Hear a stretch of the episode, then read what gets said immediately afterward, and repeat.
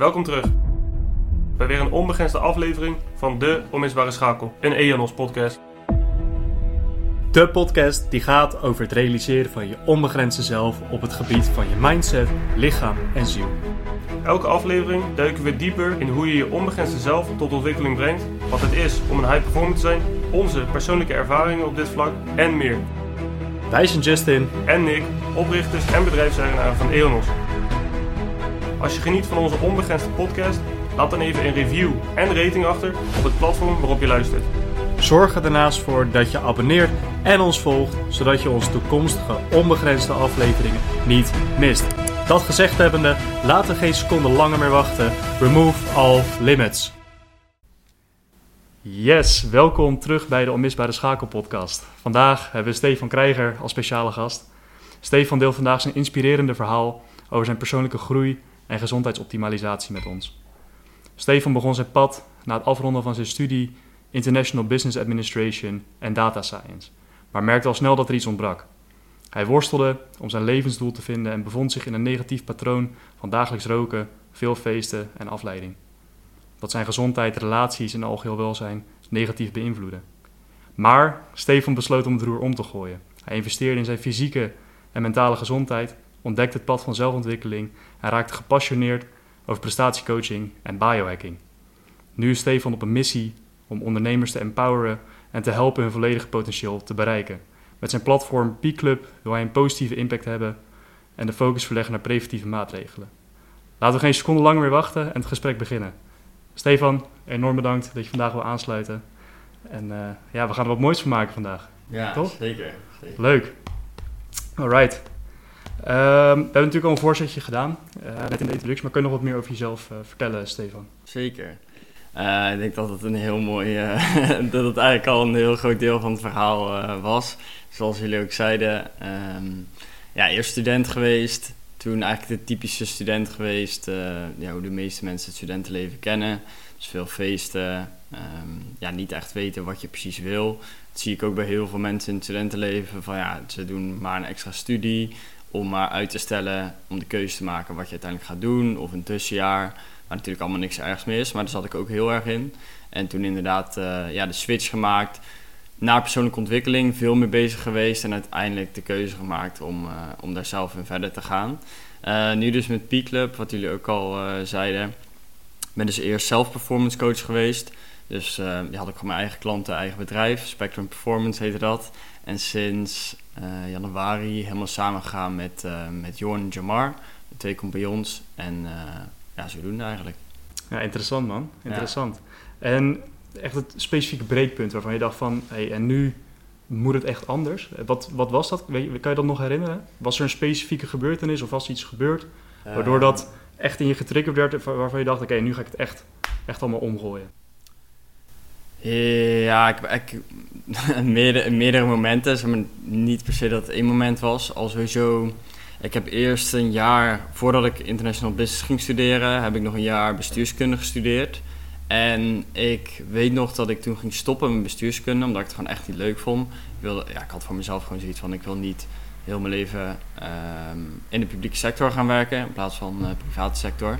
En ik weet nog dat mijn ouders toen eh, zeiden dat ze niet blij mee waren. En zij betaalden ook mijn huur van mijn, ehm, van mijn kamer en mijn collegegeld, waar ik ze super dankbaar voor ben. En toen, een van de eerste dingen die ze zeiden van, oh, maar dan gooi je de 6000 euro weg eh, van de huur en eh, al die andere dingen.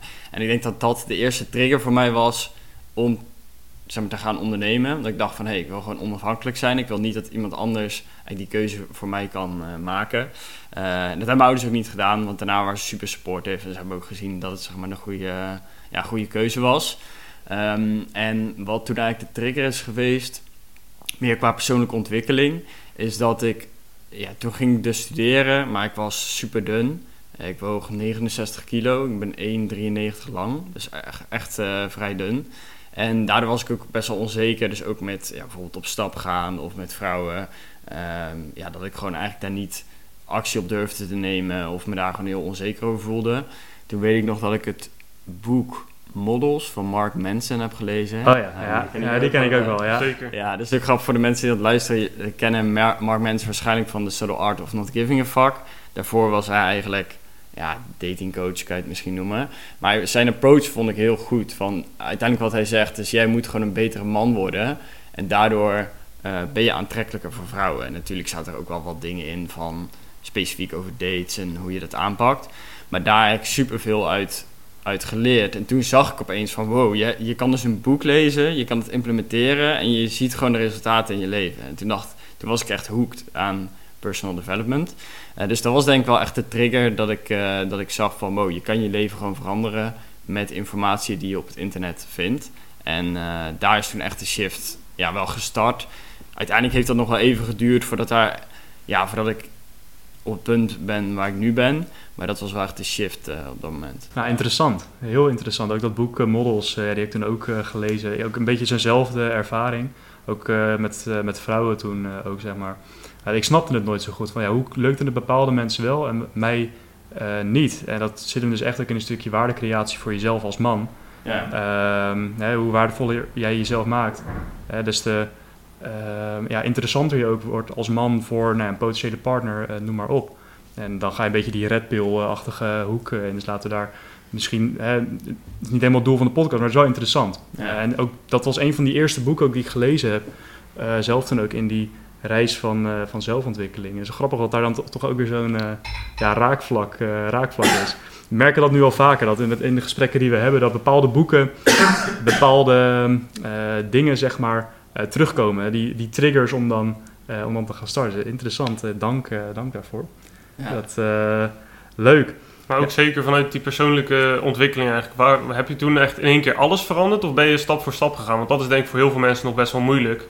Om te kijken van ja, waar moet ik nou beginnen? Moet ik nou eerst maar eens kijken hoeveel stress ik heb? Moet ik eerst kijken naar mijn voeding? Hoe heb jij dat gedaan? Ja, voor mij was het toen wel echt het, eh, de aan, ja, moet niet zeggen aantrekkingskracht, maar het gefocust op vrouwen. Dus ehm, toen ben ik ook veel meer gaan sporten, ben ik echt gaan bulken. Toen was ik op een gegeven moment, ja, had ik echt gewoon een bolle kop, omdat ik zoveel had. En toen ben ik uiteindelijk volgens mij echt in een half jaar naar 80 kilo of zo gegaan, echt heel veel aangekomen.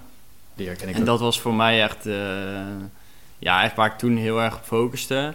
En daarna werd het meer doelen zetten, ehm, op andere vlakken ja, ontwikkelen. Maar ik denk dat het eerst fysiek was. Dus ook gewoon qua, ja, misschien hele stomme dingen, maar gewoon, oké, wat voor shampoo gebruiken zodat je haar er zeg maar, beter uitziet? Hoe ziet je huid eruit, zeg maar? Gewoon puur dat stukje.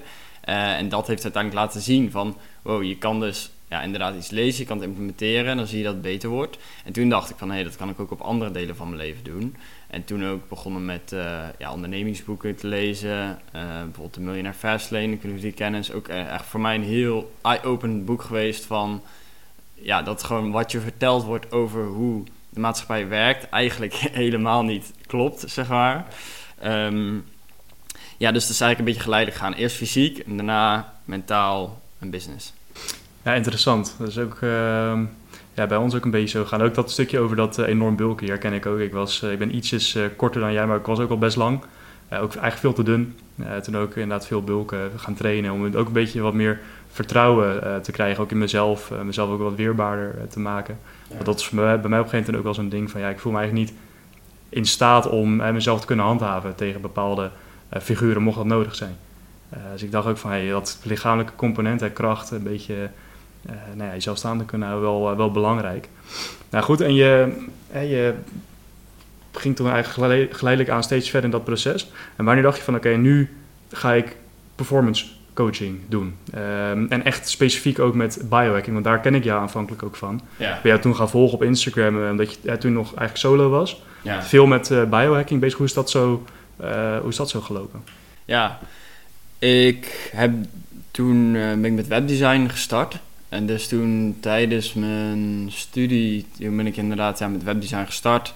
Had ik gewoon een ad van iemand gezien die, eh, ja, dat dat eigenlijk de manier was hoe je kon starten. En hij framed het ook echt zo van, hey, je kan met webdesign starten. Daarna heb jij de skills om verder te gaan met een andere business. Dat triggerde mij heel erg.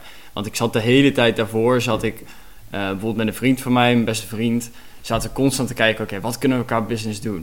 En we hadden echt super goede ideeën. Als ik er nu op terugkijk, denk ik van, als we die hadden uitgevoerd, hadden we echt een goed bedrijf kunnen hebben. Bijvoorbeeld, klein voorbeeld, in, ehm, in Tilburg is de studentenwoningenmarkt is vrij slecht, vooral voor internationals.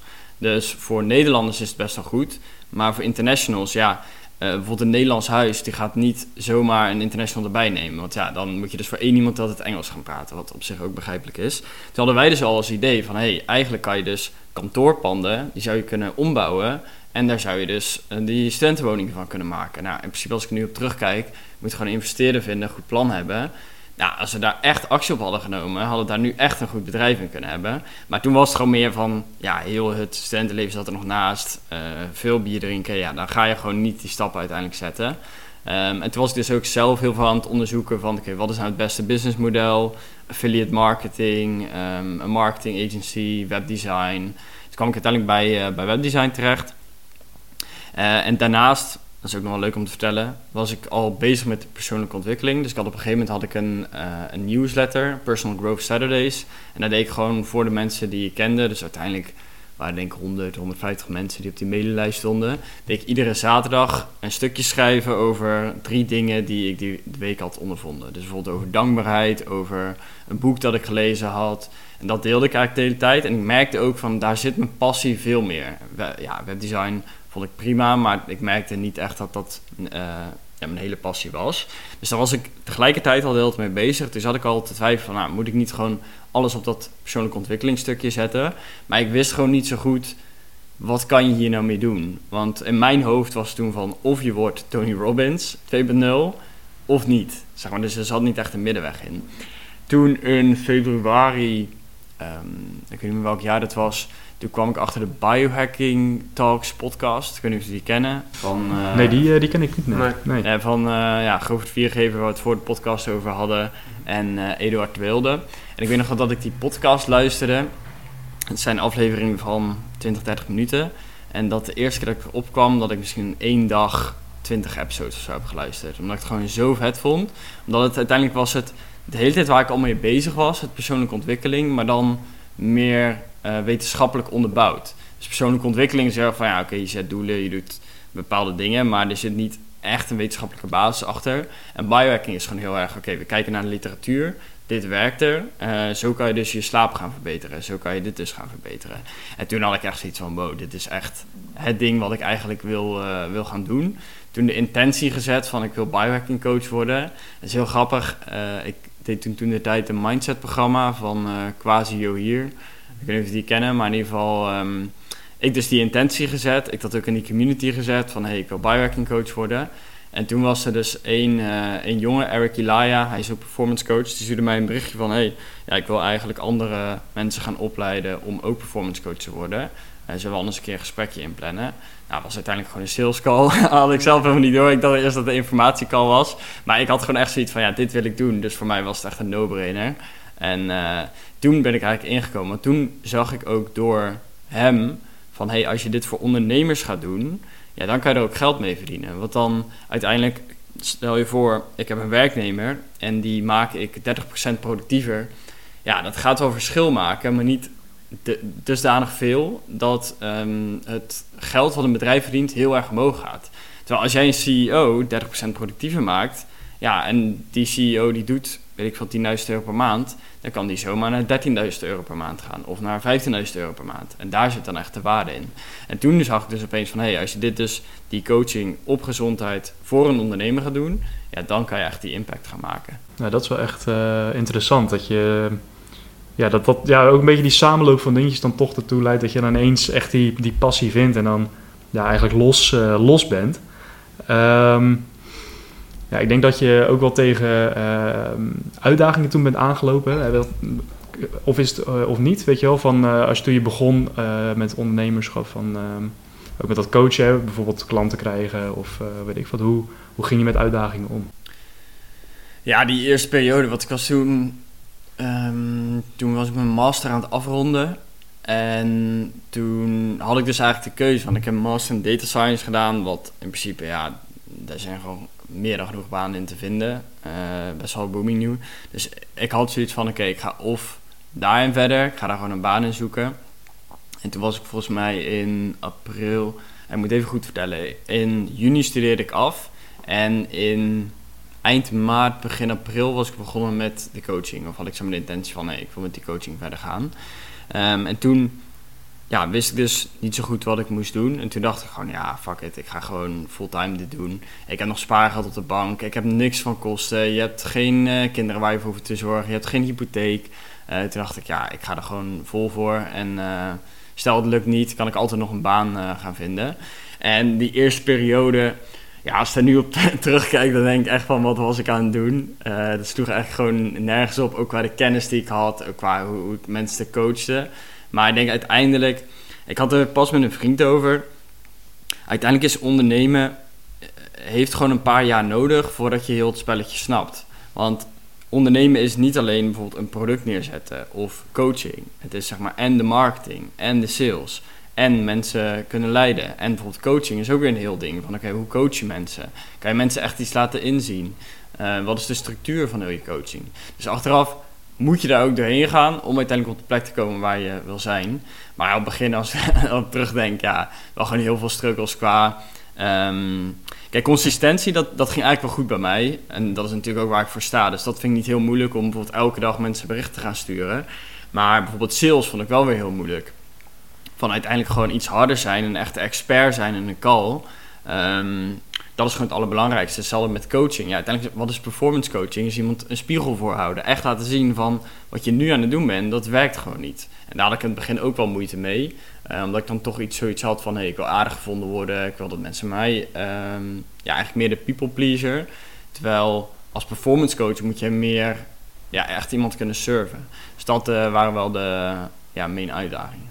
Ja, interessant. Dat is ook wel herkenbaar voor ons, toch, Nick? Ja, helemaal. Wat ik ook mooi vind eigenlijk dat je zegt van als coach hoef je niet altijd aardig gevonden te worden.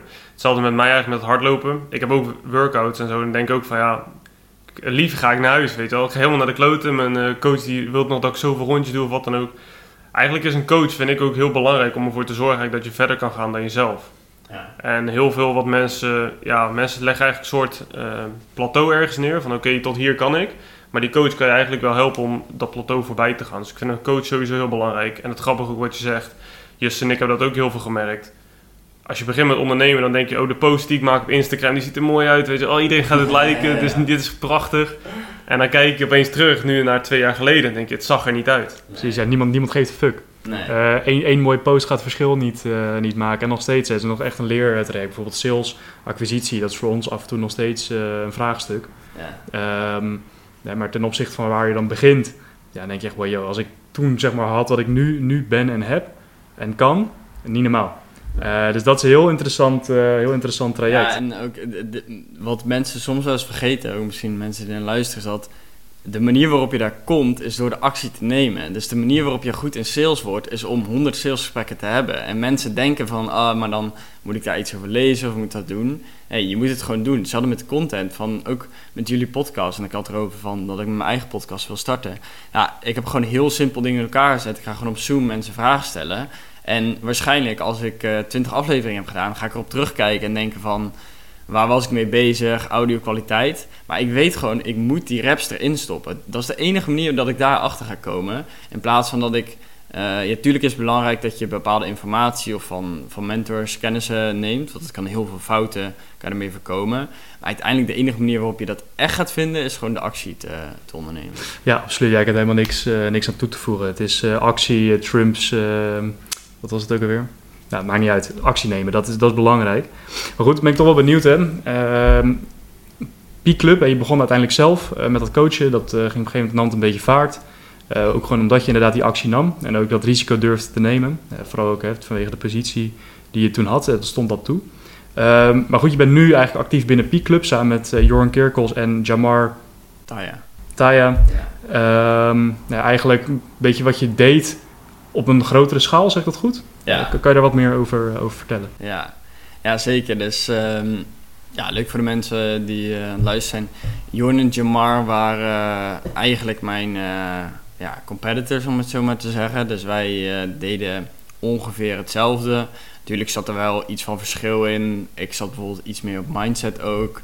Um, Jamar en Jorn zijn allebei personal trainer geweest. Dus die hadden qua het fysieke weer meer, ja, daar weet ik zelf.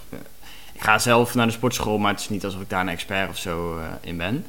En toen had Jorn mij gevraagd om coaching voor hem te gaan doen. En toen dacht ik eerst van, waarom zou ik dat gaan doen? Ik was net eigenlijk zelf bezig. Ik had een, eh dit is eerst één op één coaching. Dat had ik veranderd naar een programma. En dat was ik eigenlijk een beetje aan het opschalen om gewoon ja, meer de groepscoaching te doen, meer echt een community ervan te maken. Maar ik dacht, nou, toch wel interessant, laat ik even met hem gaan praten. Toen kwamen we er eigenlijk achter dat we precies dezelfde visie hadden, wat natuurlijk niet gek is als je allebei hetzelfde doet. En Jamadi was al met hem samen aan het werken sinds de zomer. Ja, en toen had ik zoiets van, ja, super vet. Eh, ik kan van Jorn waarschijnlijk nog wel veel leren, laat ik het gewoon doen. En dan kan ik altijd zien waar het na- naartoe leidt. En toen hadden we eigenlijk best wel snel al van ehm, dat het zo goed ja, tussen ons klikte. En dat we ook echt inzien, wat jullie misschien nu ook met z'n tweeën hebben, is dat je kan in je eentje kan je snel dingen doen, maar het is gewoon heel lastig om heel ver te gaan. En het is ook heel logisch, van als je nu drie gasten hebt die allebei, alle drie gewoon heel de week aan het knallen zijn. Ja, uiteindelijk is je productiviteit gewoon veel hoger dan iemand dat in zijn eentje doet. Iemand kan in zijn eentje helemaal optimized zijn, gaat het altijd verliezen van drie mensen die optimized zijn. Ook al zijn zij maar 80%, dus die andere 110, gaat het altijd verliezen. Dus dat is eigenlijk hoe dat eh, ja, is, eh, is gekomen. Sinds januari werken we dus helemaal samen, doen we eigenlijk alles eh, daarin samen. Mm, ja, en dat is het qua P-Club. En daar zitten we nu ook wel dat we merken dat we naar een iets hoger segment gaan. Als ik kijk naar mijn eigen klanten van, eh, van Spectrum, dan zat dat nog iets lager, meer startende ondernemers. En dat het nu meer toegaat naar ja, echt mensen die al gewoon op een goed inkomensniveau zitten. En die gewoon zoiets hebben van: ik wil mijn gezondheid helemaal gaan optimaliseren. Ik wil gewoon dat ik altijd energie heb, dat ik altijd goede focus heb. Ehm, en dat wordt nu meer eigenlijk de, de marketing message. Ja, interessant. Ehm, ja, dat is, wel, dat is wel cool. En bij Peak Club, ik had ook een beetje research gedaan op, eh, op de site wat jullie dan eh, doen. Jullie hebben een systeem voor high performance ontwikkeld. ja. Eh, bestaande uit vier fasen. Kan je daar wat meer over vertellen? Hoe dat, eh, hoe dat dan gaat? Wat je, ja, ik ben daar wel benieuwd naar. Ja, zeker, zeker. Ja, we hebben nu qua het main product hebben we drie fases. En we zijn dus bezig met de mastermind, ja, eigenlijk daarna. Ehm, dus als jij de basis gewoon allemaal hebt van hé, wat komt er dan daarna? Nou, dat is bijvoorbeeld dat we je team gaan coachen, dat je team ook helemaal optimized wordt. Eh, bijvoorbeeld je bloedwaarde compleet optimizen. Om bijvoorbeeld met je bloedwaarde, ja, dat, dat kan je niet in drie maanden helemaal fixen. Dat, daar zit gewoon tijd overheen. Ehm, maar we hebben nu drie fases in het product. En zijn we eigenlijk achtergekomen door het te bundelen met z'n drieën. We hebben gewoon letterlijk aan tafel gezeten en dachten van... Oké, wat is het eerste probleem waar iemand tegenaan loopt... waar we hun de meeste waarde op kunnen bieden? En toen kwamen we eigenlijk bij de reboot. En dat betekent letterlijk dat we mensen op hetzelfde startpunt krijgen. En ehm, ja, dat is dus bijvoorbeeld hoe zet je je laptop op? Hoe zet je je telefoon op? Gewoon allemaal dingen die je één keer doet en daar ga je de hele tijd profijt van hebben. Eh, en ook qua dopamine. Dus ja, heb je bijvoorbeeld al je notificaties uitstaan? Wat is je takenlijstsysteem? Hoe ga je met je productiviteit om? En dat hebben we gezien van dat is eigenlijk de eerste stap. Want als je daarmee begint, heb je mental clarity. Dan kan je gewoon helder nadenken. Je hebt niet alle afleidingen om je heen. En je hoeft het maar één keer op te zetten, dan heb je het gewoon. Dus dat hebben we gezien van, dat doen we als eerste. Dat is de eerste stap nu. En we zien ook dat het supergoed werkt bij mensen. Omdat, ehm, ja, je kan alle dingen gaan implementeren. Maar als je nog steeds superveel notificaties krijgt, gaat het niet heel veel uiteindelijk eh, doen. Eh, tweede fase, de layout. Daar gaan we meer naar het mindset stukje. Dus dat is echt van, hey, wat is de visie voor jouw leven? Ehm, eigenlijk doen we dan een story, missie, visie. Dus hey, wat is je verhaal tot nu toe? Waarom ben je de persoon die je nu bent? Oké, als je kijkt naar dat verhaal, wat is dan jouw missie in je leven? Dus waar sta je echt voor? En dan als laatste, wat is je visie? Dus wat zijn de echte dingen die jij gaat doen om die missie eigenlijk uit te, uit te gaan voeren? De reden dat we dat hebben gedaan, in plaats van dat we gelijk bijvoorbeeld op voeding, op slaap zijn gaan zitten, is dat wij zagen van, je kan wel tegen iemand zeggen van, hé, hey, je moet om 7 uur gaan slapen, 11 uur wakker worden. Maar als hij niet weet, waarom moet ik dat doen, dan gaat hij het nooit consistent maken. Misschien als hij zeg onze coaching heeft, dan gaat hij dat twee maanden doen, omdat hij de accountability voelt. Maar daarna gaat het wegvallen, omdat hij niet weet van waarvoor moet ik dat doen? Terwijl als jij weet, hé, hey, mijn, ehm, mijn missie is om de grootste ondernemer in de e-commerce space te worden, want dan kan ik deze impact op mijn familie maken, op de mensen om mij heen. Wat is daarvoor nodig? Is dat ik om 7 uur opsta, um, om 11 uur ga slapen, dat ik gezond eet. Dan opeens wordt het veel helderder van hey, deze stappen moet ik nemen om die visie uit te gaan werken. Dus dat hebben we als tweede stap. Ook een stukje get to know yourself. Dus doen bijvoorbeeld een persoonlijkheidstest om te kijken wie ben je als persoon. Hoe kan je dat uh, ja, gaan veranderen of wat is daar werkbaar in wat is daar niet werkbaar in. En dan als laatste is echt um, de protocol. Dus dat is echt gewoon de performance optimization, slaap, tijd, focus, voeding, um, workouts, uh, recovery, eigenlijk alles qua, ja, eigenlijk meer het health en biohacking stukje. Heel, uh, heel interessant, ook echt goed, uh, goed doordacht eigenlijk. Inderdaad even, ik uh, trek even een parallel naar turnaround management. Ik weet niet of je daar bekend mee bent. ik heb toevallig deze week nog een tentamen erover gehad. Vet interessant. Nee, wat is interessant bij turnaround management is verandermanagement eigenlijk. Alleen dan ja, bedrijfsniveau, business model change.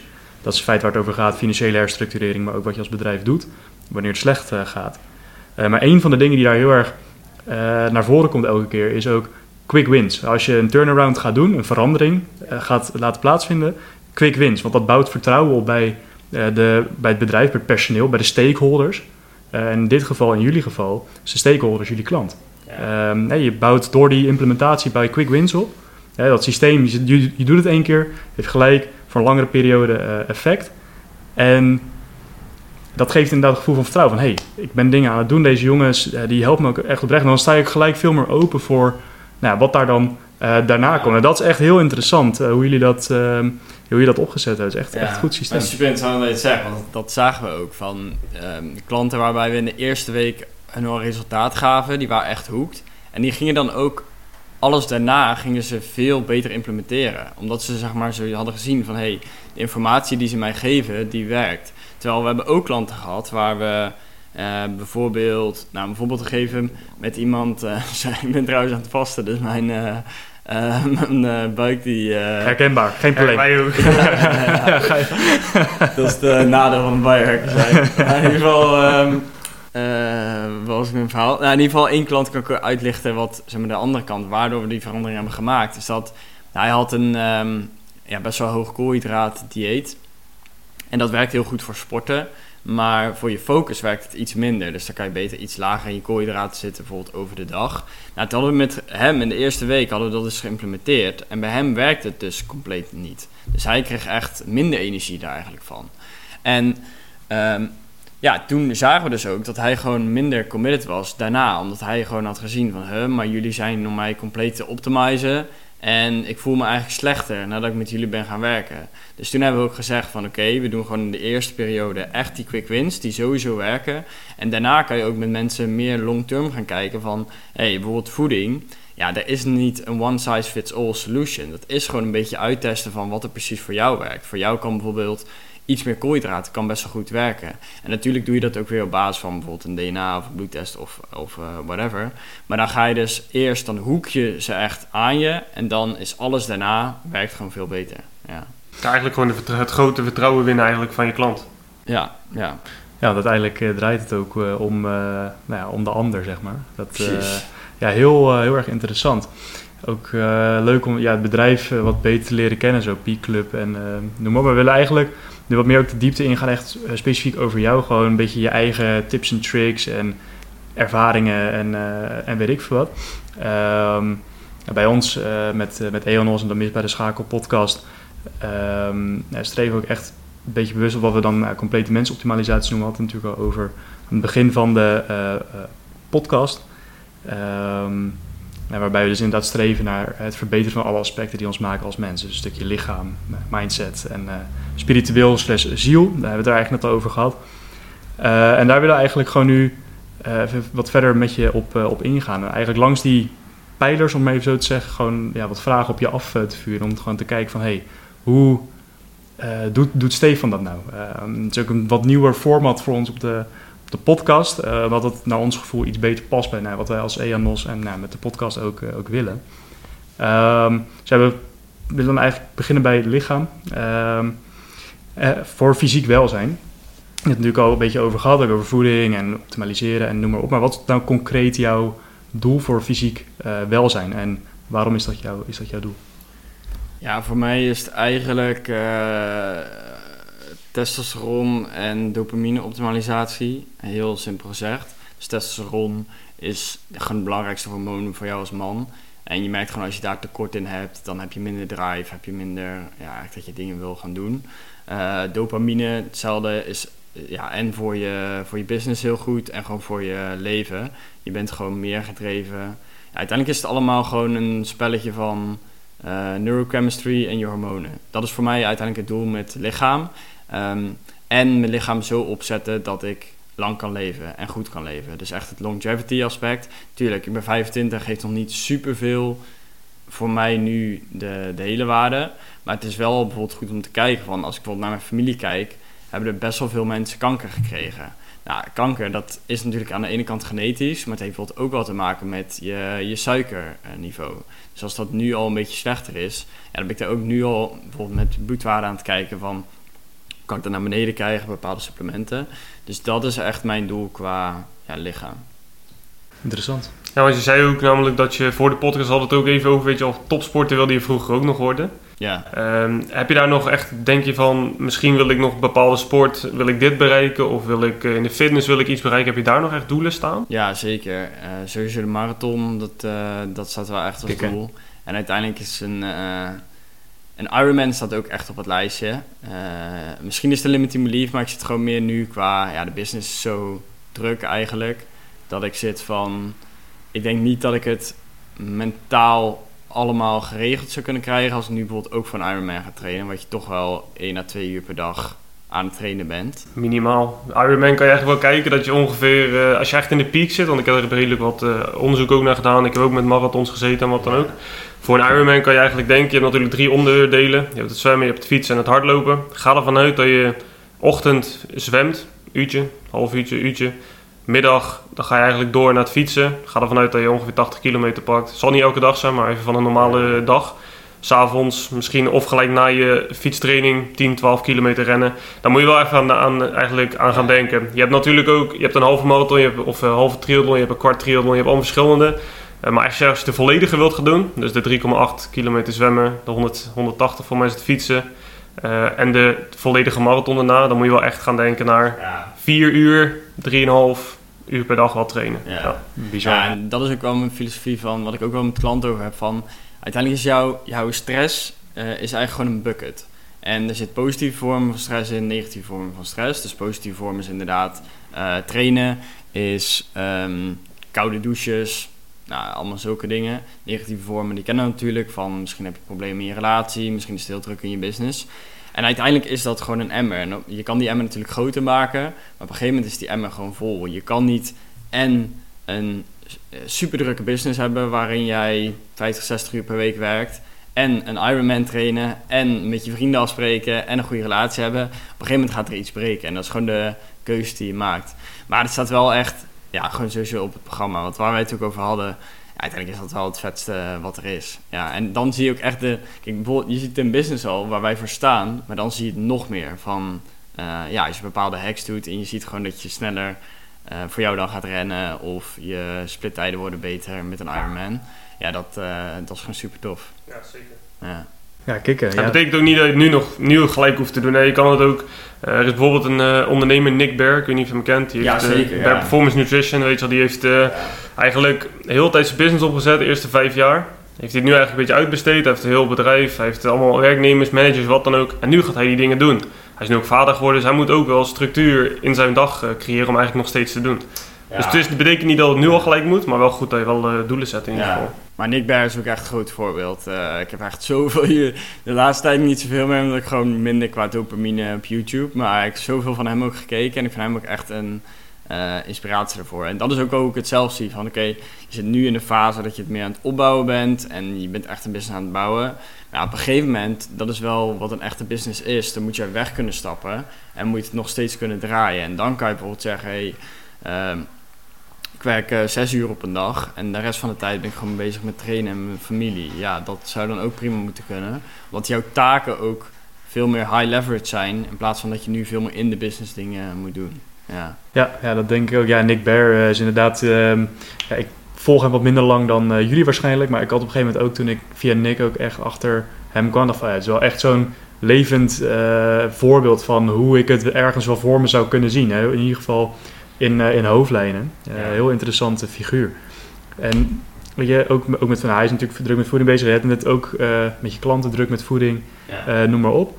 Je zegt ook, hè, voeding is voor iedereen net, net wat anders, maar wat, wat werkt voor jou? Hè, voor, voor Stefan, wat is gezonde voeding voor jou uh, en waarom? En waarom een bepaald dieet als je, dat, als je dat volgt? Ben ik wel benieuwd naar. Ja, dus voor mij sowieso alles is natuurlijk. Dus ja, gewoon single source ingrediënten. Dat is eigenlijk wel de, de basis. Ik zag dat er mensen zeggen van oké, moet ik dan paleo of keto dieet of whatever. Ik zeg, ja, ga eerst nou gewoon single ingredients eten. Dan zit je er al voor het meeste. Dus ook geen brood, geen andere dingen.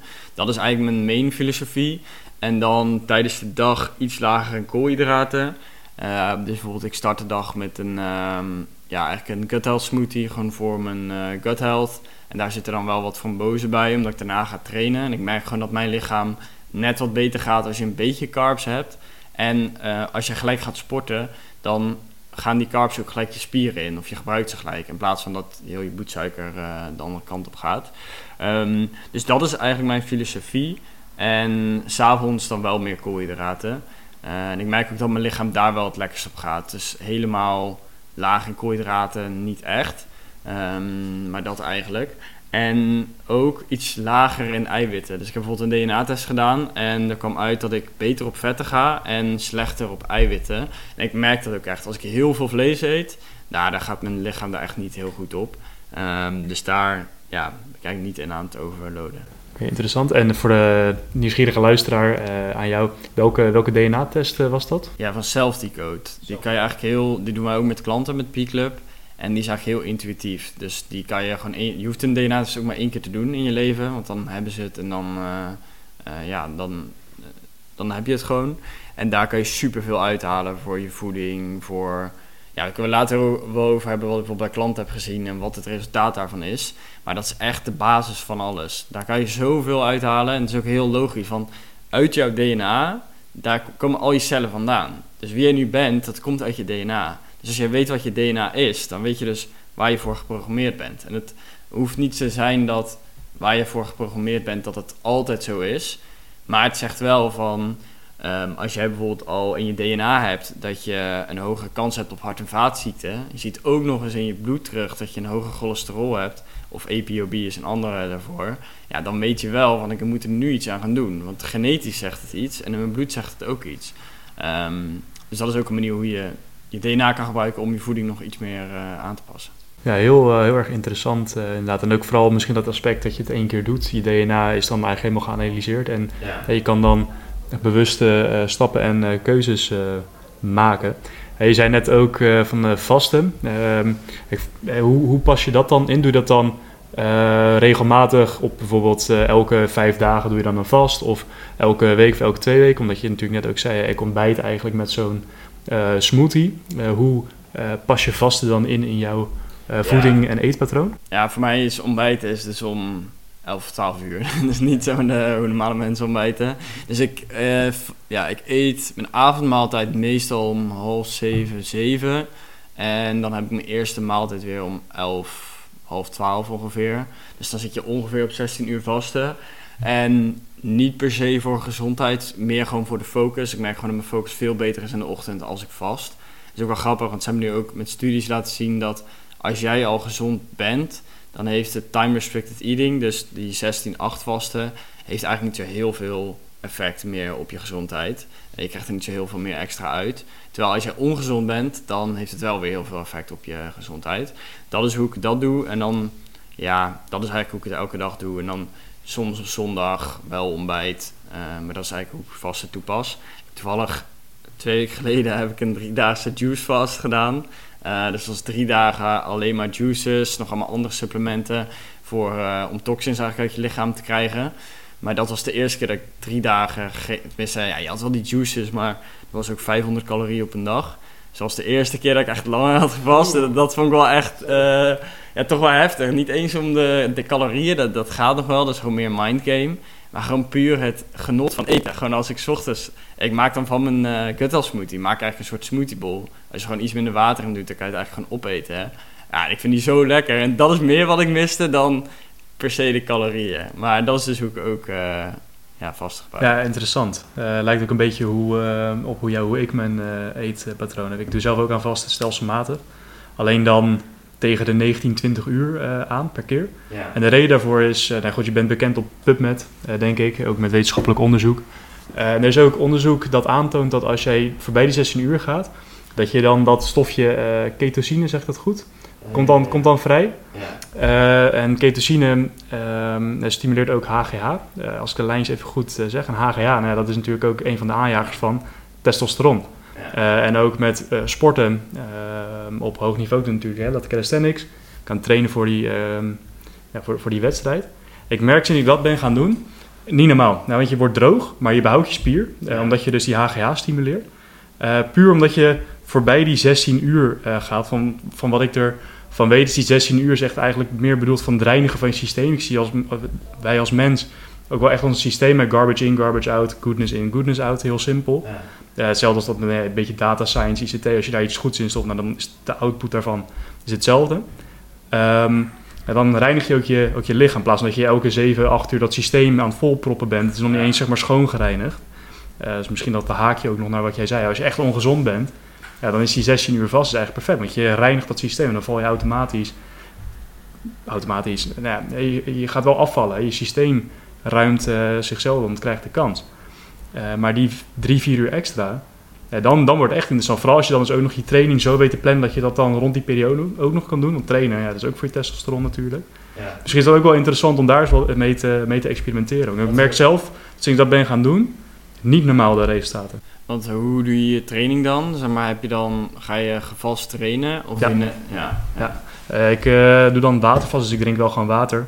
Uh, koffietje ook. Ja. Maar gewoon geen carbohydrates, helemaal niks. ik stop dan ook met eten inderdaad rond half acht, acht uur uiterlijk. En dan eet ik pas echt rond drie uur, half vier weer. Ja. dat is echt niet normaal. vliegen. Dat is ook heel, uh, heel erg interessant. Uh, want ik wist dat zelf niet, maar er was ook zo'n onderzoek op PubMed die zei dat als je dat doet ook met die ketosine en zo, en je gaat met dat trainen, weet ik veel wat. volgens mij minimaal keer 10 zeg maar in de aanmaak van testosteron, dan wanneer je stopt bij die 16 uur of dat helemaal uh, niet zou, zou doen. Ja. Gewoon puur omdat je na die 16 uur pas, dat je brein dan dat signaal of nou ja, je gut eigenlijk naar je brein het signaal stuurt van, bro, help. Ik, uh, ja, ja. Uh, kan je me helpen, geen eten, noem maar. En dan komt dat stofje vrij en dan begint, uh, begint de magie. En ja, het is bizar eigenlijk. Het is misschien ook wel interessant voor jou om daar eens een keer mee te, ja. mee te experimenteren. Ook. Zeker, zeker. Ja, want ik vind vast trainen eigenlijk gewoon best wel kut. als ik eerlijk ben. Maar ik zit er soms wel eens mee, mee een beetje te stoeien van, oké, dan moet je... Ja, ik ga dan meestal om 12, half 1 trainen. Nou, dan moet je eigenlijk 11 uur wel weer je maaltijd erin hebben zitten. Dan moet toch wel ja, een uurtje ongeveer dat het uh, minimaal ertussen. Maar het zou makkelijker zijn om gewoon te zeggen, ik vast gewoon en dan ga ik sporten om half 1. En dan om twee uur doe ik gewoon een grote maaltijd. Exact, ja, dat is eigenlijk een beetje ik het ook. Ja, maar merk je dan... Um, Doe je dan nog iets speciaals qua sporten of is dat gewoon echt trainen dat je op lege maag sport? Uh, nou, ik doe dan wel echt specifiek calisthenics. Dus gewoon puur uh, calisthenics eigenlijk alleen maar compound.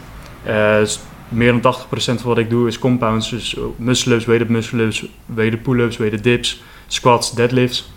heel erg functioneel, functioneel trainen. Ik geloof ook dat je als mens, um, als het gaat om lichamelijke gezondheid, even los van het eten en zo. Eigenlijk drie pijlers, kracht slash kunde eh, flexibiliteit, eh, maar ook uithoudingsvermogen. Eh, en calisthenics is voor mij echt een voertuig om eigenlijk aan alle drie tegelijkertijd te werken. Met name als je dan dus op die wat meer endurance gaat zitten ook. Um, ja, dat, dat werkt dan wel echt, uh, echt fantastisch. Ook wel echt een idee zit daar dan uh, achter. En ook dat hele zware trainen is ook natuurlijk weer die, die testosteron uh, boost. Want iets waar ik ook veel mee bezig ben, is Nick, Nick ook. alleen Nick doet natuurlijk het hard, hardlopen erbij. Dus je kan dan niet zo lang vast en dan ga je helemaal stuk. Want je hebt die carbs in je systeem gewoon, gewoon nodig. maar het is misschien wel interessant voor jou ook. Want eigenlijk En wat je net zei, hè, eh, rond een uurtje of elf dan eh, trainen, twee uur dan eten maken en dan eet je rond half drie. Ja. Perfect. Dat is eh, ook met de aanmaak van eh, spieren, zeg maar. De afgelopen, want ik doe het nog niet mega lang. Ik deed altijd anderhalf, twee jaar echt dat 16 uur vasten. En dan dacht ik van, prima, totdat mijn coach, eh, Hassan, eh, tegen mij zei, bro, je mist echt de belangrijkste uren, zeg maar, die, die mis je nu. Ja. Voor je testosteron, voor de productie of de aanmaak van je spieren, eh, noem maar op. Ja. Hè, eet na je training, hè. ga dan eten, want trainmoment is hetzelfde voor mij, altijd een beetje midden op de dag. Zo van, maar ga daarna pas eten. Hij zei, geloof mij. Het is echt bizar. Toen kwam later kwam wat meer dat wetenschappelijke verhaal. ook en dacht en van, wow, joh, dit is niet normaal. Ja. Eh, dus die is misschien, wat ik al zei, heel erg interessant, ook voor, Ik eh, voor jou om te proberen. Vooral ook omdat je ja, heel erg datzelfde patroon ook van je dag hebt. Weet je, diezelfde tijd met eh, trainen, nou ja, noem maar op. En die de hele ochtend dus gewoon geen afleiding door eten, eten maken. Of, eh, Ja, ik, ik weet merk ik dat veel nu soms al van... Ik begin dan meestal rond 8, half 9. En dan moet je eigenlijk 11 uur weer een pauze nemen om... Ja, ik maak dan smo- smoothie altijd vers, omdat ik dat eigenlijk het chillst vind qua... Je kan die wel gaan preppen, maar dan wordt de smaak niet echt beter op. Ook qua nutriënten. Ik weet niet of dat echt zo is, maar heb ik ook wel soms beliefd dat het gewoon beter als vers is. Maar eh, nee, dit zou hem wel oplossen. Ja, thanks.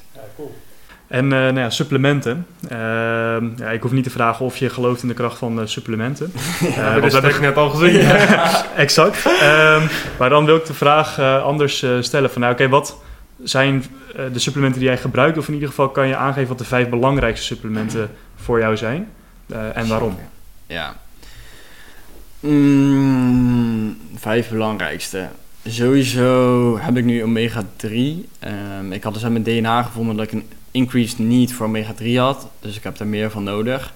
En toen heb ik een bloedtest gedaan. Je kan dan je omega 3 6 ratio kan je testen. En die was 5%. En die moet eigenlijk 8% zijn.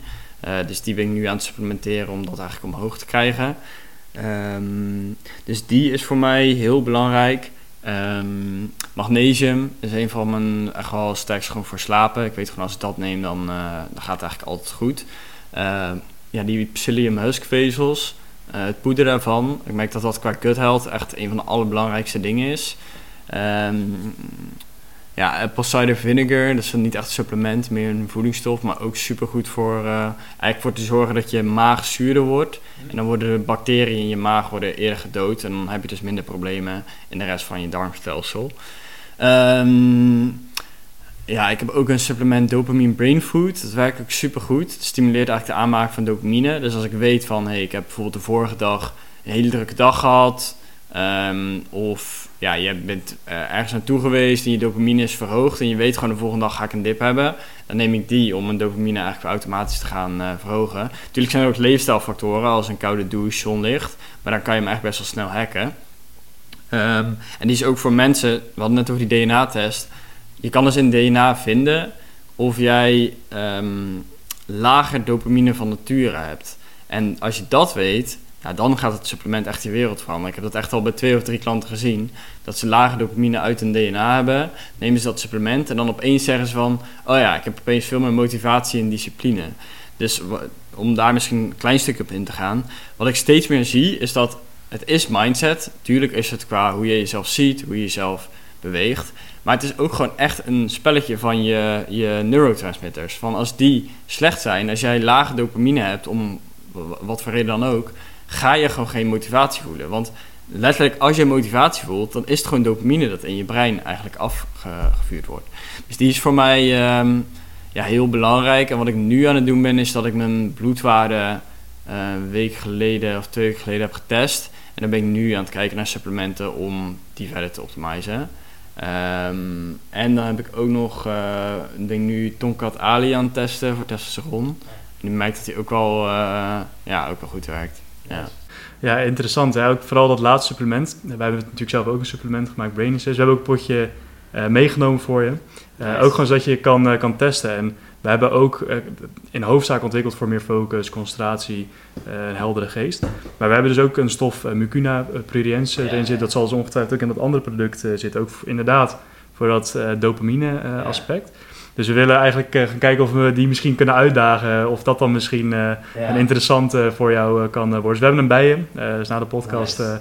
krijg je die gewoon van ons. Ik ben wel benieuwd wat dat dan voor, je, voor je doet. Ja. Omdat wij dus ook die... Want dat was ook Mucuna Prudence was voor ons ook in ons onderzoek naar nou, zo'n product om maken.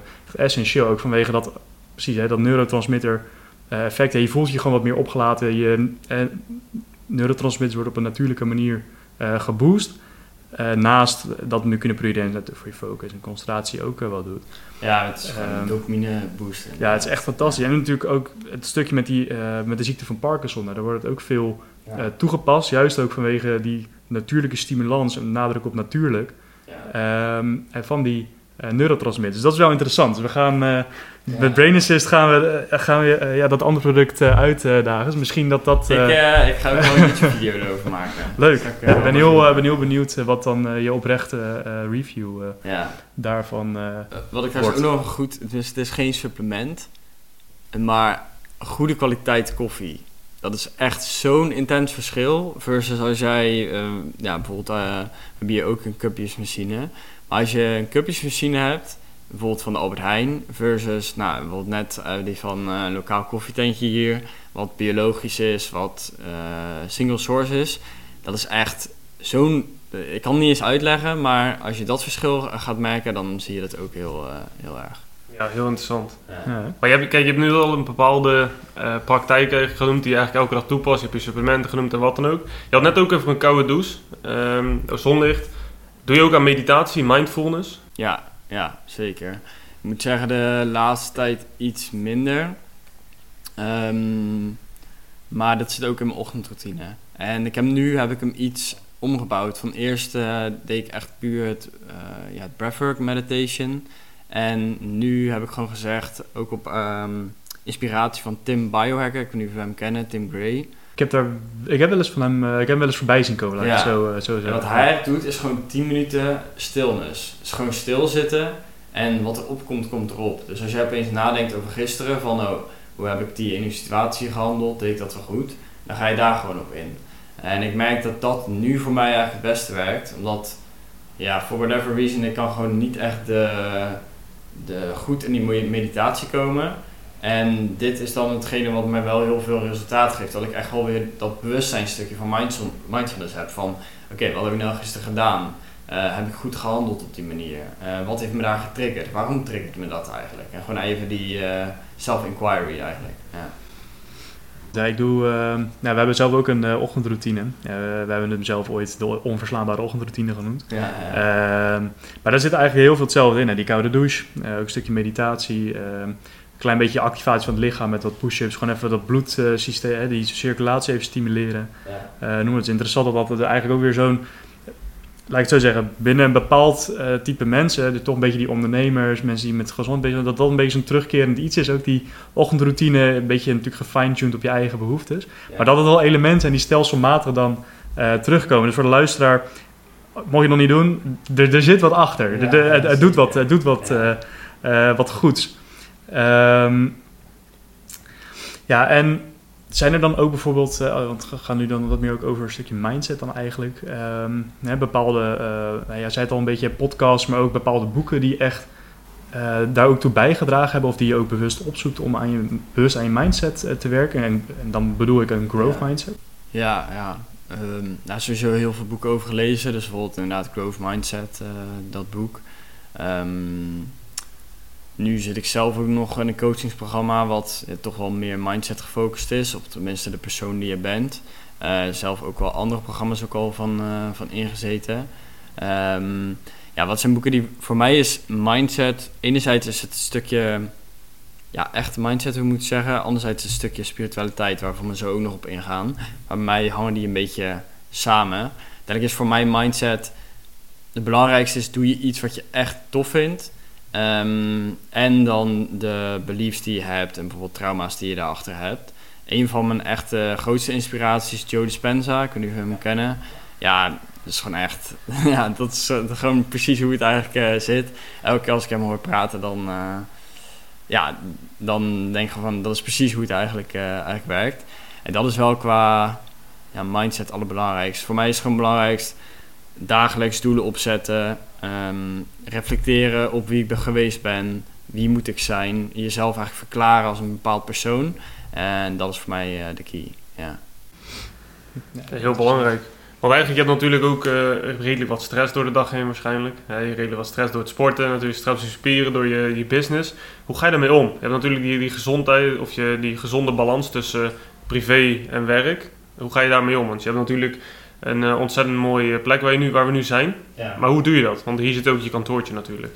Ja, voor mij zijn uh, ook weer teruggekomen op de DNA super grappig. Heb ik een higher likelihood to be stressed. En dat merk ik ook echt aan mezelf. Voor mij zijn de routines zijn echt het aller, allerbelangrijkste. Dus in de ochtend gewoon geen mobiel, um, koude douche, rondje wandelen, even journalen, uh, die, uh, die meditatie. En ik merk gewoon als ik daarvan afstap, van het gebeurt wel eens, dat ik denk van ja, maar moet dit afmaken? Ja, routine, maakt er niet uit. Zeg maar. Die gedachte komt bij mij ook wel eens op.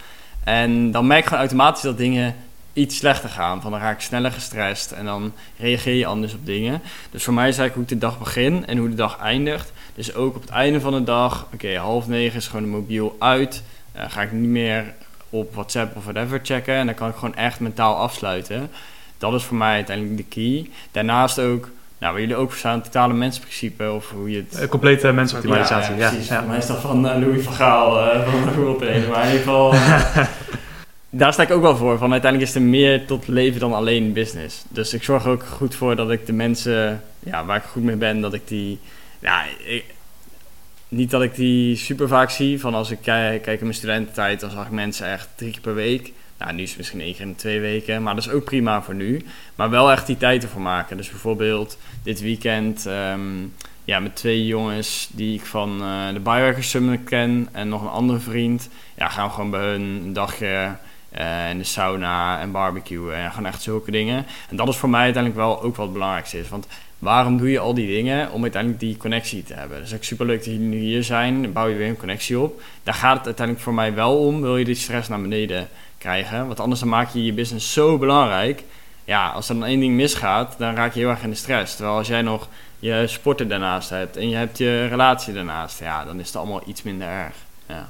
Gewoon één woord eigenlijk, gewoon balans. Ja, ja balans, ja, het is heel mooi, want ik ben het er ook wel mee eens. En je hebt ook twee andere coaches van uh, Grow Coaching, uh, Miro en Jur. Ja, die uh, zit, zitten ook op deze lijn. En ik zit ook heel erg op die lijn, weet je wel.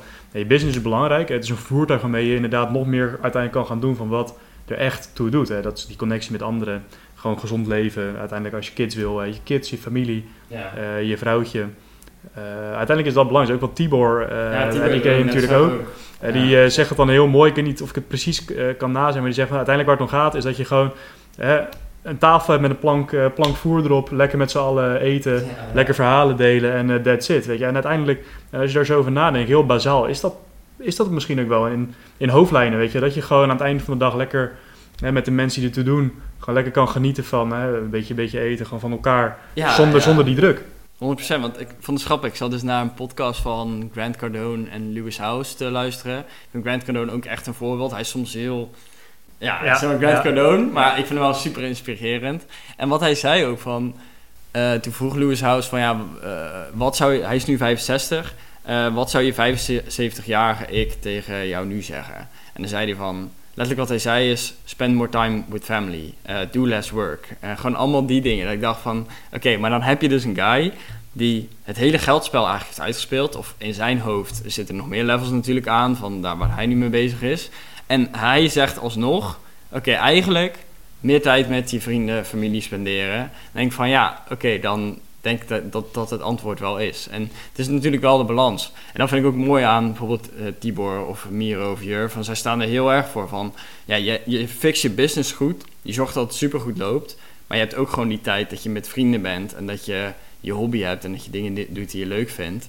Uh, en daar gaat het uiteindelijk om. Ja, je kan een super grote business hebben, maar als je niemand hebt om het mee te delen, ja, oké, okay, superleuk, maar dan word je. Mensen zeggen dat ze daar gelukkig van worden, maar ik geloof dat echt niet. Nee, ik geloof dat ook niet. Maar goed, ik denk dat, dat als je in zo'n situatie zit en je hebt ook niks anders, dat dat dan het enige is wat je dan ja, dus hebt. En dat dan gaat verdedigen ten koste van ja. waar het dan echt uiteindelijk om, uh, om draait. Um, dat is misschien ook wel een mooi haakje dan eigenlijk gelijk naar je, je diepste uh, waardes als eh, als mens. Eh, kan, kan je die opnoemen? Heb je die, heb je die scherp voor je? Een soort van vijf. Ja, vijf is een terugkomend getal, eh, maar misschien wel fijn. Of drie, drie tot vijf waarden waarvan je echt zegt: ja, dit is wel waar het voor mij echt om draait. Ja, voor mij onafhankelijkheid, betrouwbaarheid, integriteit. Ehm, dat zijn eigenlijk wel de drie grootste. Met integriteit bedoel ik dan meer man van je woord zijn. Dus gewoon als jij zegt, ja dat is ook weer met betrouwbaarheid, maar als je zegt dat je iets gaat doen, dat je het daadwerkelijk doet. Want dan kunnen mensen op je bouwen. En ik zeg niet dat ik dat altijd zo ben, maar ehm, dat is uiteindelijk voor mij het allerbelangrijkste. En ook weer het stukje onafhankelijkheid. Wat ik zei van, ja, waarom ben je ondernemer geworden? Gewoon dat jij zelf kan bepalen wat je denkt. Dat je niet iemand hebt die zegt, oké, je moet nu dit gaan doen om deze reden. Eh, en dat je dat dan moet gaan doen omdat hij dat zegt. Omdat hij bijvoorbeeld je salaris betaalt of whatever. Ehm, dus ja, dat is voor mij eigenlijk de belangrijkste ja, eh, waarde in mijn leven. En dan natuurlijk ook gezondheid, wat daar ja, heel, erg, eh, heel erg bij staat. Ja. Ja, het mooie eigenlijk als je dat ook terugkoppelt naar mijn opleiding vanuit Defensie. Integriteit staat op nummer 1. Want je moet natuurlijk, je moet elkaar kunnen vertrouwen. Eh, en vaak ook bij Defensie, als jij liegt over iets, dan ben je eruit. Ligt er natuurlijk aan waarover. Maar eh, zeg je, er is iets gebeurd in het veld of wat dan ook en je zou liegen, bij een mariniersopleiding gooi je ze er gewoon uit. Eh, want ze vertrouwen je niet meer. Want als je daar al over gaat liegen, liegen over zoiets kleins, hoe kan je dan misschien eh, wel de waarheid gaan spreken over waar de vijand zit over tien jaar, weet je wel? Ja. Dus dat is ook... eh, Ja, integriteit is wel echt eh, belangrijk. Want als jij jezelf ook niet serieus neemt, eh, hoe, wil je, hoe, kan het, hoe kan je dan ooit serieus genomen worden door een ander en een ander serieus nemen? Eh, want dat is het ook. Hè. Dat is eh, ook iets waar ik me dan veel mee bezig hou. hou eh, alchemie. Je hebt daar zo'n principe, hè? as above, so below, eh, as below, so above. Eh, Ja, dat eh, van de Kybalion inderdaad en eh, de Emerald Tablets. Maar in feite is dat natuurlijk wel zo. Je innerlijke wereld is een reflectie van eh Ja. daarbuiten. En als het binnenin jou dus niet goed zit, en je integriteit is, ligt overhoop, ja, dan nee, daar kan je vergif op innemen dat ja, je externe wereld is net zo. Ehm, dus ja, die, is wel, die staat bij mij ook echt wel, echt wel nummer, nummertje één, inte- integriteit. Het is heel interessant ook dat je ja, natuurlijk onafhankelijkheid en vrijheid ook noemt. Dat stukje lichaam, ik wilde daar eh, ook nog op aanhaken. Dus ik zie dat ik wel zo'n soort van facilitator om dan inderdaad die kernwaardes eh, te kunnen ehm, ja, realiseren. Dat je daar inderdaad een overeenstemming mee eh, leeft. Ja, ook dat stukje onafhankelijk. Want als jij een ja, krakkemikkig lichaam hebt, hè, je bent een vette tankherder die alleen op de bank chips, eh, ja, sorry dat ik het zo zeg, maar alleen op de bank chips zit te vreten, heel je, echt je hele mooie systeem helemaal vol stopt met zooi en weet ik wat. En weet je wel, ja, hoe kan je dan in hemelsnaam de dingen die echt belangrijk voor jou zijn gaan, gaan doen? Het een staat echt in verbinding eh, met elkaar. Het is, het, is, het is niet allemaal los. Het is, hè, wil, je dit, dan hoort dit erbij. Ehm, dus ja, dat. eh, klaar. Valt ook gewoon gelijk even dood. hè. dus ja, dat... eh, Maar eigenlijk ook om, eh, kijk, we zijn nu al een uur bezig om de podcast ook een beetje richting het einde te krijgen. Omdat we anders denk ik nog wel vier uur gaan praten. ja, vind, ik ook, Eh, vind ik ook niet erg. Vind ik ook niet erg eigenlijk. Eh, maar voor Peak Club, hebben jullie ook toekomstplannen? Ja, Wat er nu eigenlijk eh, de komende maanden, niet alles te vertellen, maar gewoon globaal. Zeker, zeker. Ja, we hebben dus eh, in april hebben we heel het programma opnieuw gemaakt. Dus wat we net zeiden, die eh, reboot layout en ehm, eh, laatste de protocol. Dat hebben we toen verzonnen en dat hebben we helemaal uitgewerkt. Dus daar staan nu ook alle video's in ons programma, alle opdrachten, alle coaching staat daar in lijn. Ehm, en ja, dat moesten we doen om het schaalbaarder te maken. Want voor jullie beeldvorming, hoe we het eerst deden, was gewoon echt drie op één coaching. Dus hey, je kwam binnen, je had één iemand die was eigenlijk jouw main coach. En die zag dat je het proces helemaal goed deed. En dan deed je steeds één op één calls inplannen, bijvoorbeeld met mij over voeding en met Jamar over slaap. En nu hebben we het gewoon zo gemaakt dat mensen zonder die calls ook heel veel resultaten kunnen boeken. En dat we meer eh group calls hebben. Dus dat we bijvoorbeeld, ik heb woensdag of eh, ja, vandaag dan om vier uur heb ik een call over eh, voeding, testen, supplementen. Dus kunnen mensen daar komen en vragen stellen. En dan hoeven ze dus minder die in op één calls in te plannen. Want dat is voor ons, ja, daar kunnen we gewoon niet schalen. Uiteindelijk als jij 20 klanten in een maand zou krijgen. En eh, ja, je moet die allemaal één op één gaan coachen. Dat werkt gewoon niet. Of je moet een coach inhuren. Dus dat was eigenlijk de fase nu. Zorgen dat het product helemaal goed schaalbaar opstond. Zijn we nog steeds wat kleine dingetjes mee bezig. Maar dat staat nu. En nu is de volle focus op sales en marketing. Ze zijn bijvoorbeeld ook weer met Reels veel meer begonnen. eh, op YouTube. En de volgende stap is om, uh, om de advertenties op te zetten. Om het echt op te schalen. Want uiteindelijk, als ik nu kijk, zijn we al best wel, maken we goede stappen. Maar het is nog zo klein versus hoe het eigenlijk kan zijn. Hoeveel ondernemers er zijn, um, internationaal, dat er allemaal uitziet. En daarnaast zijn we dus bezig met um, de Mastermind, Evolve Mastermind. En daar willen we meer de complete performance optimalisatie doen. Wat bedoel ik daarmee? Gewoon echt nog dieper in biohacking gaan. Uh, heel je bloedwaarde optimaliseren. En ook het fysieke stukje. Dus we hebben nu bijvoorbeeld 17 juni hebben we ons eerste event daarvan. Uh, om het ook echt een fysieke mastermind te maken. Zodat mensen van elkaar ook heel veel waarde kunnen hebben. Dus dat gewoon verder uitwerken. Dat, uh, ja, dat is eigenlijk voor nu een beetje de visie qua P-Club. Ja. Interessant. En is dan ook, als het gaat om P-Club en het krijgen van klanten, leun je dan heel erg op, op, op netwerk eigenlijk, netwerken? Of juist ook ehm, wat meer een beetje die cold uh, marketing hè, door organische content of toch wat content te pushen betaald. en de tweede vraag aangekoppeld, hè, hoe belangrijk vind je netwerken? en heb je daar dan ook nog wel wat tips voor mensen? Een beetje, ja, het, hangt een beetje met elkaar samen. Ik ben daar wel, wel benieuwd naar. Hè, hoe klanten ook bij jullie terechtkomen. Het komt omdat je veel ja, mensen spreekt uh, online. Uh, je doet een beetje je dingetje. Ik ben, ik ben er wel benieuwd naar hoe dat voor, uh, voor jullie gaat. Ja, nu is het voornamelijk um, organisch. En we hosten dan ook events. Dus dan nodigen mensen uit voor een event. En dan um, ja, kunnen ze ons daar gewoon meemaken. En hebben we daarna een gesprek met hen of ze, ja, hoe het nu voor hen is. Of ze hier verder mee willen gaan. Dat is eigenlijk het main ding. Het ja, organische outreach waar we de meeste klanten uit krijgen. uiteindelijk is het qua netwerken ja, kan, het ligt een beetje aan je businessmodel. Het kan uh, beneficial zijn. Ik denk bijvoorbeeld wel voor ons, stel je zou bij een businessclub van FC Utrecht, je zou daar een praatje kunnen doen. Dat zou best wel efficiënt zijn. Want het zijn allemaal mensen die al in zichzelf hebben geïnvesteerd om daar te zijn, hebben waarschijnlijk gewoon een prima business. Dat zou voor ons uh, ook wel goed werken. Maar het is voornamelijk organisch. Dus ook bijvoorbeeld een podcast als deze. Uh, Johan was bij Lotgenoten geweest. Ja, het zijn gewoon allemaal dingen om het meer op de kaart te zetten. Want het enige, dat zeggen we ook vaker tegen elkaar, het enige wat ons nu op dit moment tegenhoudt, is gewoon dat niet heel de wereld er vanaf weet. En natuurlijk is dat voor iedere business zo. Maar bij ons heb ik het idee dat het nog meer is, omdat het, het is iets nieuws. Biohacking is een trend wat naar boven gaat. Maar mensen weten gewoon nog niet helemaal wat het is. Dus op een gegeven moment, ook met die Lotgenoten podcast, deelt Jorn uh, de app Sleep Cycle. Mensen implementeren dat, sturen naar Jorn van holy shit, ik heb Sleep Cycle geïmplementeerd en ik slaap veel beter of ik word veel beter wakker. En dan opeens hebben ze door van, huh, uh, ik kan dus inderdaad iets veranderen in mijn gezondheid, iets heel simpel en ik heb gewoon meer energie. Want dat is ook wel vaak wat ik merk qua performance, heb ik misschien ook wel gemerkt. Mensen weten niet wat ze niet weten.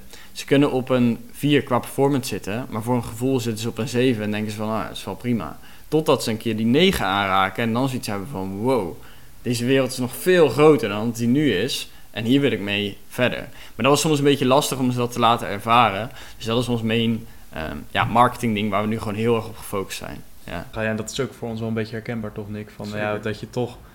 Um, ja, af en toe een beetje tegenhalen van ja, hoe zorg je nou inderdaad dat je gezien, uh, gezien wordt. En voor ons was het natuurlijk ook, uh, we zeiden het ook voor de podcast al, ook met die podcast te beginnen. Hè, dingen waar we ook als EONOS mee bezig zijn, uh, waar jullie mee bezig zijn. En daar gewoon met mensen zoals jij mee in gesprek te gaan, maar ook met elkaar ook gewoon het verhaal een beetje documenteren. Maar ja, als sprekende ja, komen we het verste, denk ik. Ja. dus dat is, dat is heel interessant om, dat zo, om dat zo te doen. Um, ja, ik vind dit altijd nog wel een leuke vraag ook om te stellen, wat meer tegen het einde. Hè, uh, wat voor de podcast er ook al over, dus ik hoop dat je er een beetje over nagedacht hebt. Ondertussen, uh, maar als er één boodschap is die je uh, op een billboard mag zetten en de hele wereld zou die zien, wat zou dan die boodschap zijn? Check je bloedwaarde. Check je bloedwaarde. Doe die DNA-test. Ja. Nee, maar dat is echt. Um, ja, ik heb bijvoorbeeld een post over gedeeld op, uh, op Instagram ook. Mijn uh, moeder is twee jaar geleden met uh, uitgezaaide borstkanker is geconstateerd. En gaat nu super goed mee. Het kan eigenlijk niet beter gaan. Maar, en dat is niet per se dat je dat gelijk uit een bloedtest kan halen. Ik denk dat meer de message is dat we naar een preventieve wereld gaan in plaats van ja, echt wat we nu doen, reactief. Om een voorbeeld te geven, mijn moeder heeft nu de stadium 4 borstkanker. Dan zijn je overlevingskansen 5 jaar zijn 28% maar. Dus laten we zeggen 1 op de 4 die leeft nog na 5 jaar. Als jij borstkanker vindt in stadium 1, leeft 98% nog na 5 jaar. En dus eigenlijk zit het punt veel meer in, we moeten Een goed boek hierover is Outlive van Pieter Attia. Maar het punt is veel meer van, we moeten het preventief gaan vinden. Want als jij kanker dus in stadium 1 vindt, bij de meeste kankers is er niet zo superveel aan de hand. Tenminste, je hebt gewoon dan chemotherapie en je hebt de, de, de dingen die je daarvoor moet doen. Maar de overlevingsrate is best wel hoog. Maar als jij dus naar een stadium toe gaat dat het is uitgezaaid omdat je het nog niet gevonden hebt, of omdat, je, ja, omdat er iets mis is gegaan, daar zit echt de, de fout in. Hetzelfde is met hart- en vaatziekten. Als je nu al weet dat je uh, LDL-cholesterol of je eigenlijk beter je APOB, als die verhoogd is, nou, dan weet je nu al dat er allemaal uh, eigenlijk ontstoppingen komen in je, uh, in je hartvaten. En dan krijg je dus over 20 jaar of over 30 jaar krijg je opeens een hartaanval. Maar dat is niet omdat je dan opeens slecht eet. Dat is omdat je nu al slecht eet. En omdat je nu al genetische aanleg hebt om dat te krijgen.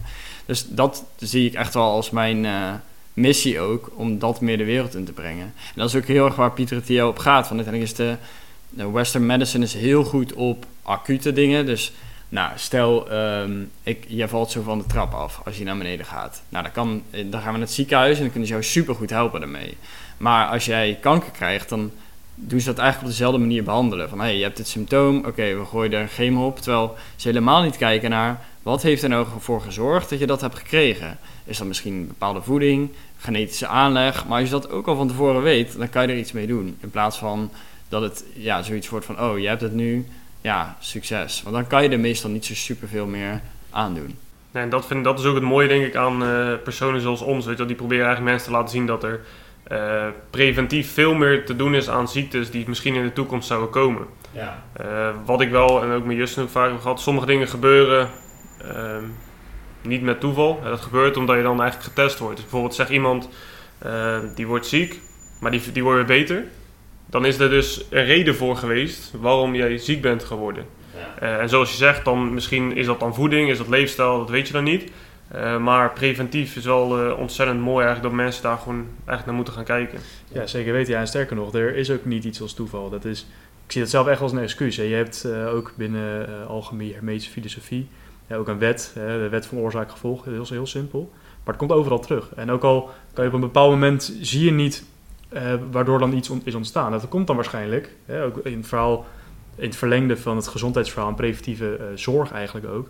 En dat je heel lang geleden al bepaalde keuzes hebt gemaakt, bepaalde dingen hebt gedaan die nu geleid hebben tot. Ja. En dat je dat misschien vergeten, dat is prima, en dan lijkt het op toeval. Maar alles heeft een oorzaak. Elk gevolg heeft een oorzaak en elke uh, oorzaak heeft zijn gevolg.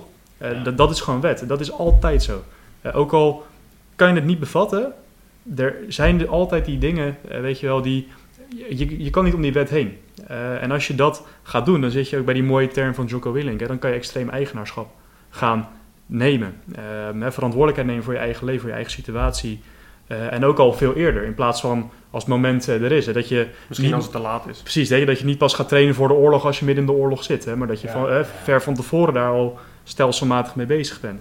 Dus heel, ja, echt heel interessant advies. Hè. Test, test je bloed. Ja, om dan vervolgens dit ook te kunnen uh, gaan doen. Hè? Want dat is ook oorzaak-gevolg. Je doet dat nu, zodat je in de toekomst uh, daar al lang op hebt kunnen inspelen met wat er dan ook aankomt. Heel, dat is ook wel een unieke boodschap. Ja, en, eigenlijk. en ehm, sowieso met data, dat is ook precies wat we met doen, alles met data. Het geeft gewoon meer bewustzijn. Ook bijvoorbeeld met je slaap, als jij dit trekt, dan ga je veel meer zien van, oh, dit heeft er effect op, dit niet. Dit is belangrijk. Hetzelfde als je hebt een sporthorloge. Ja, als jij daarin ziet dat je recovery slechter is, dan weet je dus van, oké, ik moet hier iets mee doen. Het geeft gewoon gel- gelijk feedback van wat er eigenlijk aan de hand is. Ja. Dat is ook wat ik al zei, unieke boodschap. Je, dus eigenlijk zo- zoiets als dit, eh, iets heel praktisch juist. dat hebben we nog niet, niet eerder zo eh, gehoord, dus dank daarvoor. Wil jij dan deze laatste vraag nog Ja, eh, en tot slot eigenlijk nog e- één vraag dan. Eh, wat is het nummer één praktische advies dat je onze luisteraars nog mee wilt geven eh, over hoe ze hun prestaties eigenlijk naar een hoger niveau kunnen tillen? Direct na de podcast. Direct na de podcast. Ja, Zodat wanneer het klaar is, wat kunnen ze nu doen om gelijk te beginnen? Het is heel anders dan waar we het over gehad hebben, maar eh, schrijf drie dingen op waar je in de afgelopen 24 uur dankbaar voor bent geweest. En waarom? Eh, ik heb hier dus ook gisteren een post over gemaakt, dus ik moet het nog eh, posten. Is, dit heeft weer met mindset te maken. Er zit iets in jouw hersenen, dat heet je Reticular Activating System. En dat is eigenlijk het, hetgene wat er gebeurt als ik zeg van... hé hey jongens, ik ga een Tesla kopen. Ik zeg dat nu tegen jullie en jullie rijden terug. En opeens zie je op de weg zie je allemaal Tesla's rijden. En hoe komt dat? Omdat jouw hersenen die filteren de informatie die er uh, tot je komt. En die filteren de informatie gebaseerd op je beliefs, gebaseerd op hoe jij je op dat moment voelt. Dus als jij zoiets hebt van nou, alles is kut, alles zit tegen me, dan gaat jouw lichaam letterlijk die dingen zien in de wereld. En de simpelste hack daarvoor is dankbaarheid. Dus jij dus gaat opschrijven van hé, hey, ik ben dankbaar voor, uh, weet ik veel, het koffertje wat ik net heb. Dan, gaat, dan ga je meer dingen zien waar je dankbaar voor bent. En dan gaat je vibratie omhoog, hoe je het allemaal wil noemen. Uh, dus dat is echt, ja, zeg maar, je kan slapen, je kan van alles doen. En dat is echt de performance hack. Ja, ja, helemaal mee eens. Ik geloof ook echt in de kracht van uh, bewust en oprecht dankbaarheid ja. uitoefenen. Want als je niet oprecht bent in waar je dankbaar voor bent, dan lieg je tegen jezelf. En dan zit je nog steeds via die negatieve bril, kijk je dan naar de wereld. En je moet wel oprecht uh, dankbaar zijn. Maar dat is heel mooi uh, ja, praktisch advies. Hè. Mensen gaan dat dan ook uh, doen. Ja. Um, nou, als afsluit van de podcast dan, waar kunnen mensen jou online vinden en uh, P-Club? Ja, zeker. Um, of Instagram, Stefan Krijger. of YouTube, ook gewoon Stefan Krijger. Dan kan je hem ook vinden. Er staan de meeste YouTube-filmpjes op. Daar kan je nog dieper ingaan op deze dingen. Dus bijvoorbeeld, ik heb ook een video over mijn DNA-test. Gewoon mijn eigen DNA-test, analyseer ik die. En dan kan je ook eens zien van, hey, wat kan er nou eigenlijk voor je betekenen? Um, en met P-Club hebben we nog geen YouTube-kanaal, wel Instagram-kanaal. En mijn hoofd staat P-Club, laagstreep I, laagstreep O. Um, maar die zouden we even moeten linken. Precies, en uh, natuurlijk ook een website. Dus als jullie uh, ja. daar benieuwd naar zijn, kijk daar dan ook uh, vooral eens op. En wie weet zijn jullie straks uh, de nieuwe klanten van, ja. van, van, Stefan. Ja. Toch? Alright, uh, Stefan, enorm bedankt voor je tijd in het gesprek. Echt enorm veel waarde, nuggets en ja, hele interessante informatie. dus dank daarvoor. En ook dank voor de gastvrijheid bij jou thuis vandaag. Ja, geen probleem. Super gezellig dat jullie er waren. We hadden inderdaad voor de podcast van wel een half uur gepraat. En ik dat we zo nog twee uur verder hadden kunnen praten. Dus nee, super tof. Heb je nog een uh, allerlaatste afsluiting, Nick? Wat we altijd doen. Remove all limits. Perfect. Bedankt voor het bijwonen van weer een onbegrensde aflevering van de Onmisbare Schakel. Laat een rating en review achter op het platform waarop je luistert wanneer je wat aan onze podcast hebt gehad. Dit helpt ons om te groeien en meer mensen te bereiken. Om ze zo te helpen hun onbegrensde zelf te realiseren aan de hand van de Remove All Limits mindset. Als je er klaar voor bent om je onbegrensde zelf te omarmen, ga dan gelijk naar www.eonos.nl en neem de eerste stap.